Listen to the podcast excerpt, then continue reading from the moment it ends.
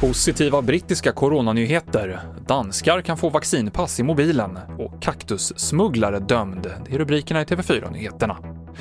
Vi börjar med att berätta att tre ungdomar är anhållna misstänkta för mord och mordbrand efter villabranden utanför Nässjö i måndags kväll.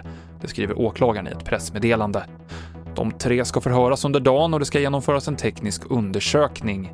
En kvinna avled i branden. En brittisk studie tyder på att AstraZenecas covidvaccin ger en klart minskad smittspridning.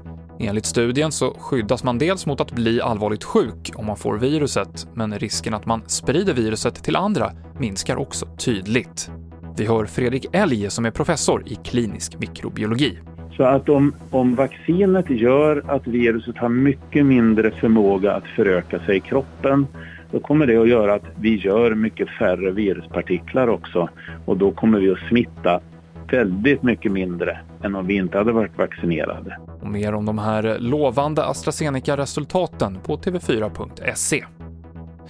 Danmark är på väg att införa ett digitalt coronapass som ett av de första länderna i världen.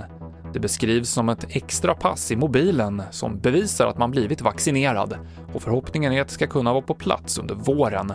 Det här ska göra det enklare för danskarna att resa, men också att anordna olika kulturevenemang till exempel. Och en kvinna försökte smuggla in närmare tusen kaktusväxter från Kina till Nya Zeeland genom att tejpa fast dem på kroppen. Men en tullhund fick vittring och kvinnan försökte dumpa växterna på en toalett och avslöjades då.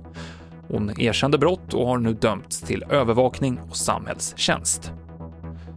Det här var TV4-nyheterna i studion Mikael Klintevall.